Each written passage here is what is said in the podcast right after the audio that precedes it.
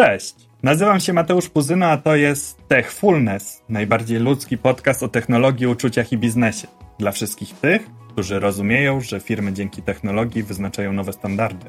Obiecuję, że nie odpuszczę, dopóki nie zrozumiem. Zapraszam. Wyobraźcie sobie miasto przyszłości, a w jego centrum nasze domy. W tym odcinku porozmawiam z Michałem Korolem o tym, czym charakteryzuje się zwinny budynek, z jakich produktów, usług i technologii korzysta i jak wpisuje się w koncepcję miast przyszłości. Przedstawimy przykłady zwinnych budynków, które funkcjonują na świecie, podsumujemy też korzyści wynikające z jego budowy. A na koniec porozmawiamy o sporcie.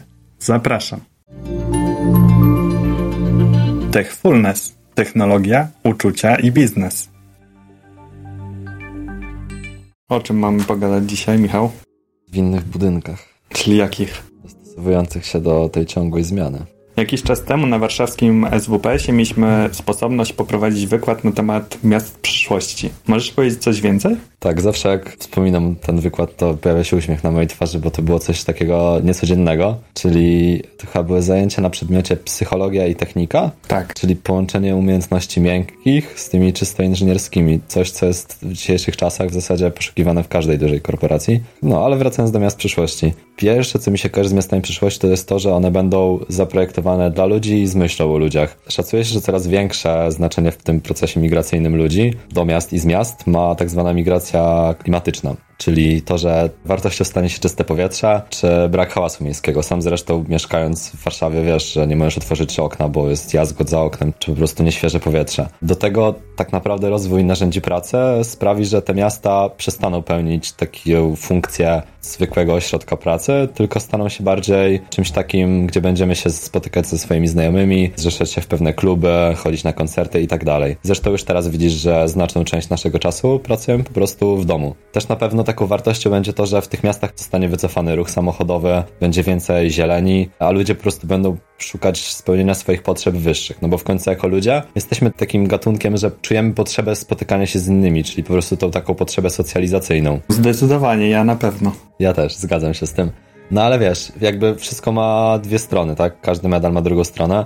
Ta rozwinięta robotyzacja w tych też miastach przyszłości sprawi to, że szereg zawodów które mamy na co dzień, po prostu przestaną istnieć, tak? Przy takim natłoku informacji czy rzeczy do spamiętania, takie proste czynności jak zapalenie światła po prostu będą za nas wykonywać maszyny. Zresztą to już ma miejsce, czujki ruchu, gdzie światło zapala się samo, czy na większą skalę nawet latarnie miejskie. Takim dobrym przykładem z Polski jest Szczecin. Wie, jak wiesz, idziemy po prostu chodnikiem, trzy lampy przed nami, trzy lampy za nami się świecą, a po drugiej stronie lampy świecą jedynie na 25%, czyli mamy dużą możliwość zaoszczędzania energii. No właśnie, ale w tych miastach przyszłości będzie też istotny czas, no bo każdy z nas ciągle mówi, że nie mam na coś czasu, czas to pieniądz, czy wiesz, brakuje mi czasu. No i właśnie, czasu w tych miastach w przyszłości nie zatrzymamy, ale te procesy, systemy, urządzenia, które będą żyły razem w symbiozie w miastach przyszłości, sprawią, że po prostu część z tych takich prostych czynności zostanie przyspieszonych albo w całości zastąpionych i wykonanych bez naszego udziału. No ale mieliśmy gadać o zwinnym budynku. Co to jest zwinny budynek? Jak on zostanie ulokowany w tych miastach przyszłości? No właśnie, to jest dobre pytanie, bo tak jak wspominałem, wiele czynności zostanie przyspieszonych. No i te budynki, których spędzamy w zasadzie dużo naszego czasu, też muszą przyspieszyć, tak? Nie mogą być tylko budynkami, tym czym są teraz, ale muszą się dostosować do tych coraz szybszych czasów. No i właśnie tutaj powstała ta koncepcja zwinnego budynku, czyli budynku, który będzie się dostosowywać do tej ciągłej i postępującej zmiany.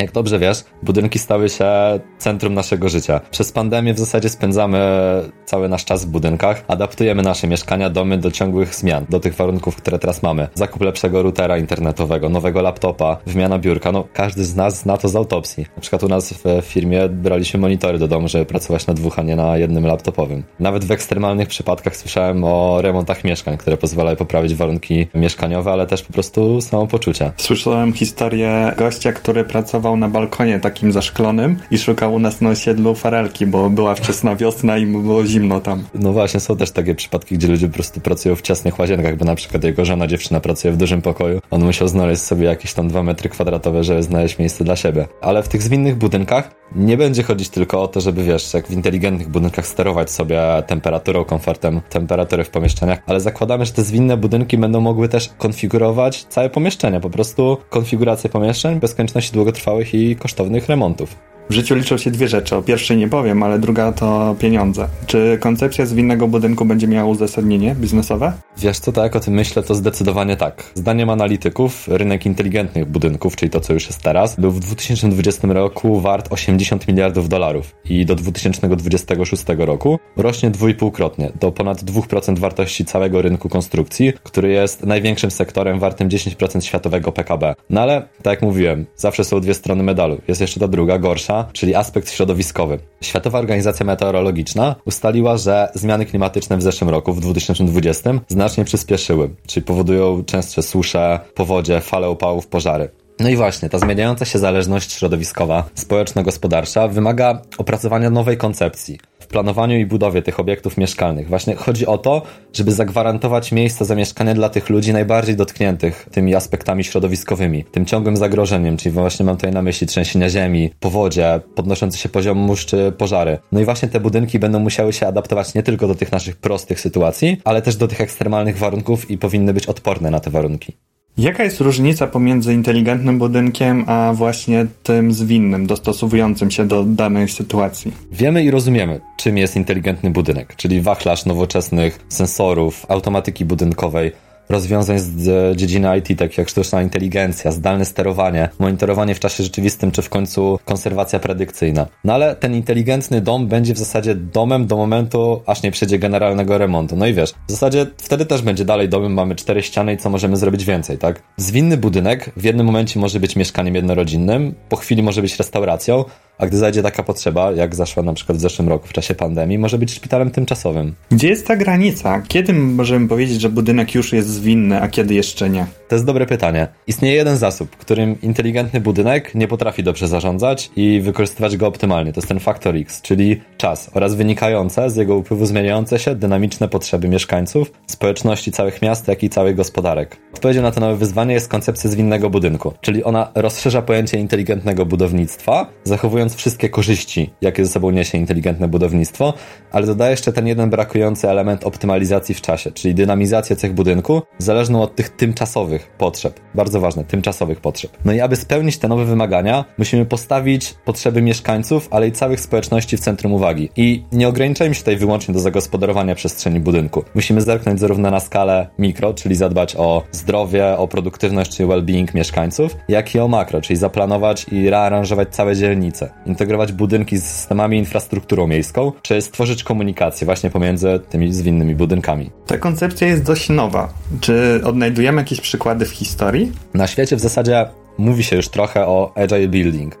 Ale tak, w Polsce jest to zdecydowanie świeży temat, no ale jak zawsze jest pewien haczyk. Pomysł ten pojawił się tak naprawdę na przełomie VIII i IX wieku. Wtedy to zaczęły powstawać pierwsze budynki klasycznego japońskiego stylu Minka, dzielącego się na budownictwo wiejskie i miejskie. Jego rozwój doprowadził do powstawania pierwszych zwinnych budynków, cechujących się nie tylko wykorzystywaniem ekologicznych budulców, czyli tego co jest teraz na topie, drewna, słomy, trzciny, ale przede wszystkim możliwości zmiany układu pomieszczeń. Efekt ten został uzyskany tak naprawdę przy użyciu przesuwnych ścian, które jak zapewne kojarzysz z filmu Kill Bill czy z japońskiej kinematografii. No i właśnie, w tego typu konstrukcjach ściany mogły być swobodnie przesuwane, dzięki czemu ich mieszkańcy mogli swobodnie dostosowywać pomieszczenia do swoich potrzeb. Teraz dobre pytanie, kto by pomyślał, że kilkaset lat temu ktoś wpadł na pomysł zwinnego budownictwa? Jak możemy to zrobić? Z jakich produktów, technologii i narzędzi skorzystać, aby stworzyć w pełni zwinny budynek? No i właśnie to jest ten szkopuł, bo w pełni zwinny budynek jeszcze nie istnieje, ale póki co podzieliłbym metodę realizacji tego budynku na takie dwa filary. Pierwszy z nich to wysokowydajne projektowanie, które znacznie skróci czas od tej przysłowiowej deski kreślarskiej do realizacji samego projektu.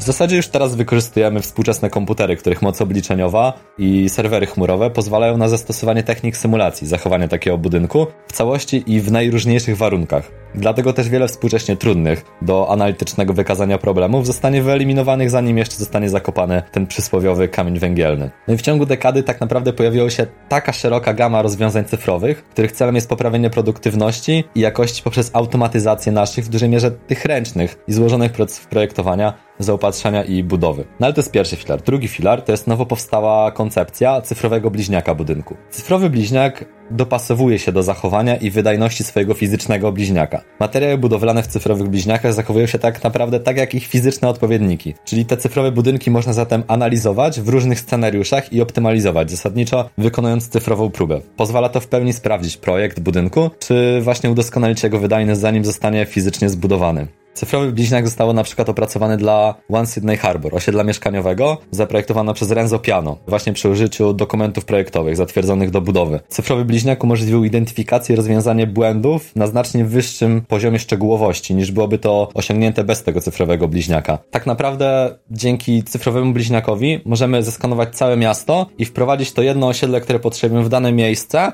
i wykorzystać konkretne specyfikacje tego rejonu, w które chcemy wpasować to osiedle. Innym takim przykładem cyfrowego bliźniaka, trochę odbiegającym od budownictwa, są po prostu samochody i branża samochodowa. Tak naprawdę nie musimy już robić crash testów na rzeczywistych samochodach, skoro możemy to zrobić po prostu w świecie cyfrowym. Czy mamy jakieś przykłady ze świata? Oczywiście, że tak. Już tak naprawdę odbiegając od budynków z japońskiego stylu minka i budowy ze słomy i drewna, zastosowanie tych nowych technik produkcyjnych, na przykład jak druk 3D, nie ograniczający się wyłącznie do polimerów, ale z wykorzystaniem też metali czy ceramiki, umożliwił błyskawiczne budowanie, projektowanie i testowanie tak naprawdę tych nowych konstrukcji. We Włoszech już mamy do czynienia z całymi domami zbudowanymi w 100% metodą druku 3D. Tak naprawdę projekty dostosowane będą do regionu nie tylko pod względem zastosowania i wyposażenia, ale również materiałowo. No bo żeby budynek rzeczywiście był niezależny, i łatwo rekonfigurowalny, surowce, z których jest zbudowany, muszą być dostępne lokalnie. A konkretne przykłady? Tak, ja bym to podzielił na takie dwie zasadnicze grupy. Pierwsza grupa to jest taki styk budynków 4.0 z tym zwinnym budynkiem. Pierwszym z nich jest Fundacja Agnelli w Turynie, która jest odpowiedzialna za system, gdzie ogrzewanie, chłodzenie i oświetlenie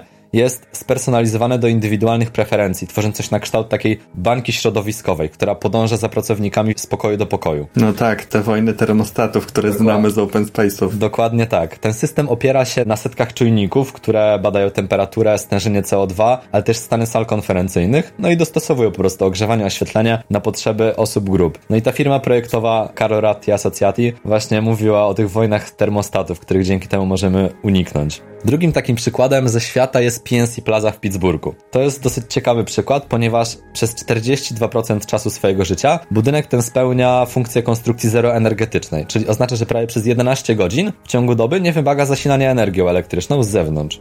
Super sprawa. Tak, zgadzam się. Efekt ten udało się osiągnąć z wykorzystaniem najbardziej wydajnych materiałów konstrukcyjnych. Stworzono dwuwarstwową fasadę, spełniającą funkcję naturalnej wentylacji. Na jego dachu zamontowano panele solarne.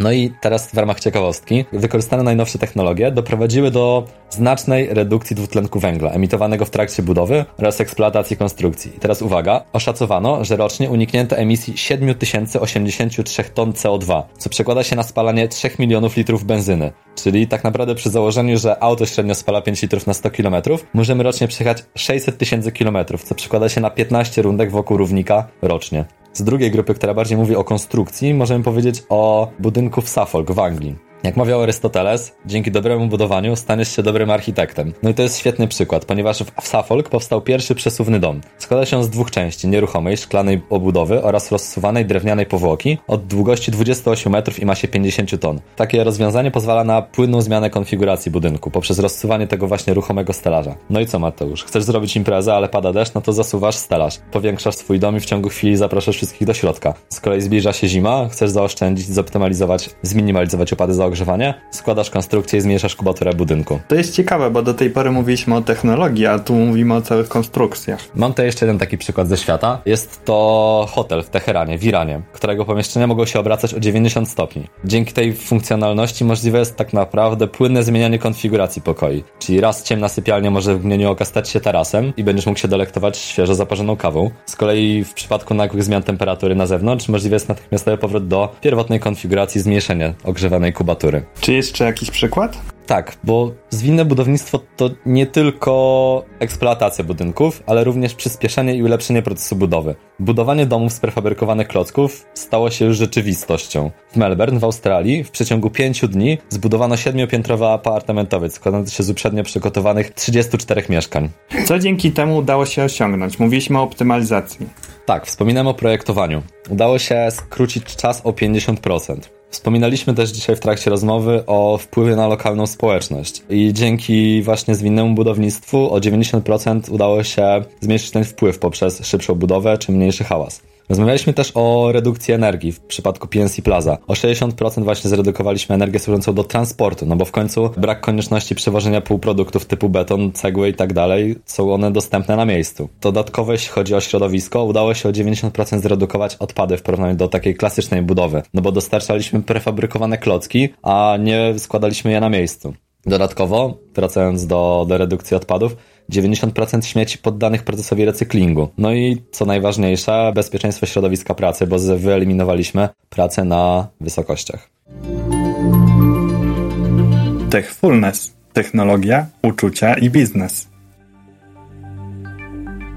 Jakiś czas temu pojechałeś do domu dostosowanego właśnie pod konkretne Twoje potrzeby, Twojej pasji. Możesz powiedzieć o tym coś więcej? Tak, to tak zwane gaming house, czyli dom dla graczy, w którym profesjonalni, ale nie tylko profesjonalni, jak widać, e-sportowcy, grają w gry, trenują do turniejów, grają turnieje i tak dalej. To znaczy, że to jest dom dla e-sportowców? Co to jest e-sport? E-sport to nic innego jak sport elektroniczny.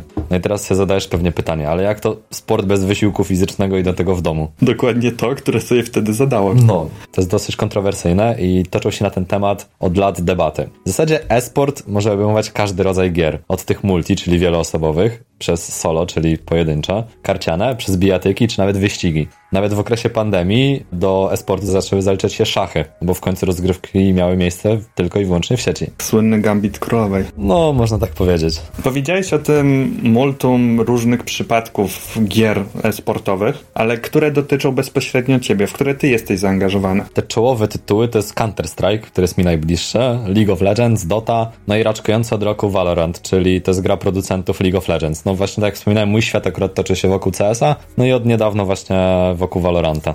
Jeżeli chodzi o Polskę, czy to też jest jakieś rozwinięte? Tak, największy boom w środowisku esportowym, a bardziej counter-strike'owym, to lata tak zwanej Złotej Piątki, później grających pod banderą rosyjskiej organizacji Virtus Pro. Można śmiało powiedzieć, że była to jedna z najlepszych ekip w historii Counter-Strike'a. Największe ich osiągnięcie to było wygranie EMS One Katowice w 2014 roku, gdzie Virtusi za wygranie zgarnęli 100 tysięcy dolarów. No i tutaj płynnie możemy przejść do kolejnej sprawy, czyli do pieniędzy we sporcie, a te są naprawdę pokaźne masa sponsorów, reklam, turniejów offline, jak i online, zwłaszcza w dzisiejszych czasach COVID-u. Ale jakiego to jest rzędu zarobek? Ile to jest pieniędzy? To jest świetne pytanie. Według strony Esport Earnings, prowadzącej bazę danych o zarobkach esportowców, w 2020 roku najwięcej zarobił Norweg. Magnus Carlsen, czyli prawdopodobnie najlepszy szachista w historii, zarobił on 510 tysięcy dolarów. W takim bardziej klasycznym esporcie pieniądze są jeszcze większe, na przykład pule turniejowe. W CS-ie to do około 1,5 miliona dolarów, w LoLu do 2 milionów dolarów i uwaga, rekordowe w 2020 roku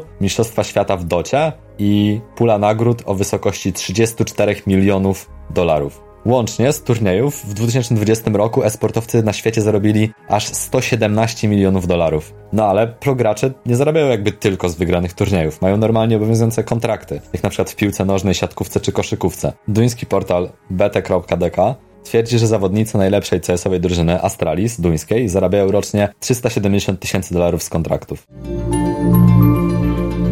Techfulness. Technologia, uczucia i biznes. Zawsze na koniec nagrania proszę moich gości o taką puentę, coś co Michał Korol chciałby przekazać światu. Hmm. Chciałbym, żeby słuchacze uświadomili sobie, że przyszłość jest dzisiaj. Wiem, że to wszystko, co mówiliśmy dzisiaj, to są tylko przykłady, ale one świadczą o naszych możliwościach. Dzięki tym technologiom, rozwiązaniom i usługom, które posłużą do zbudowania zwinnego budynku, to zyskamy my, wszyscy. I chcę Was dzisiaj prosić o to, żebyście nie bronili się przed tą zmianą i napiszmy tą historię razem. Dzięki Michał, że zgodziłeś się wpaść. Ja bardzo dziękuję Mateusz za zaproszenie.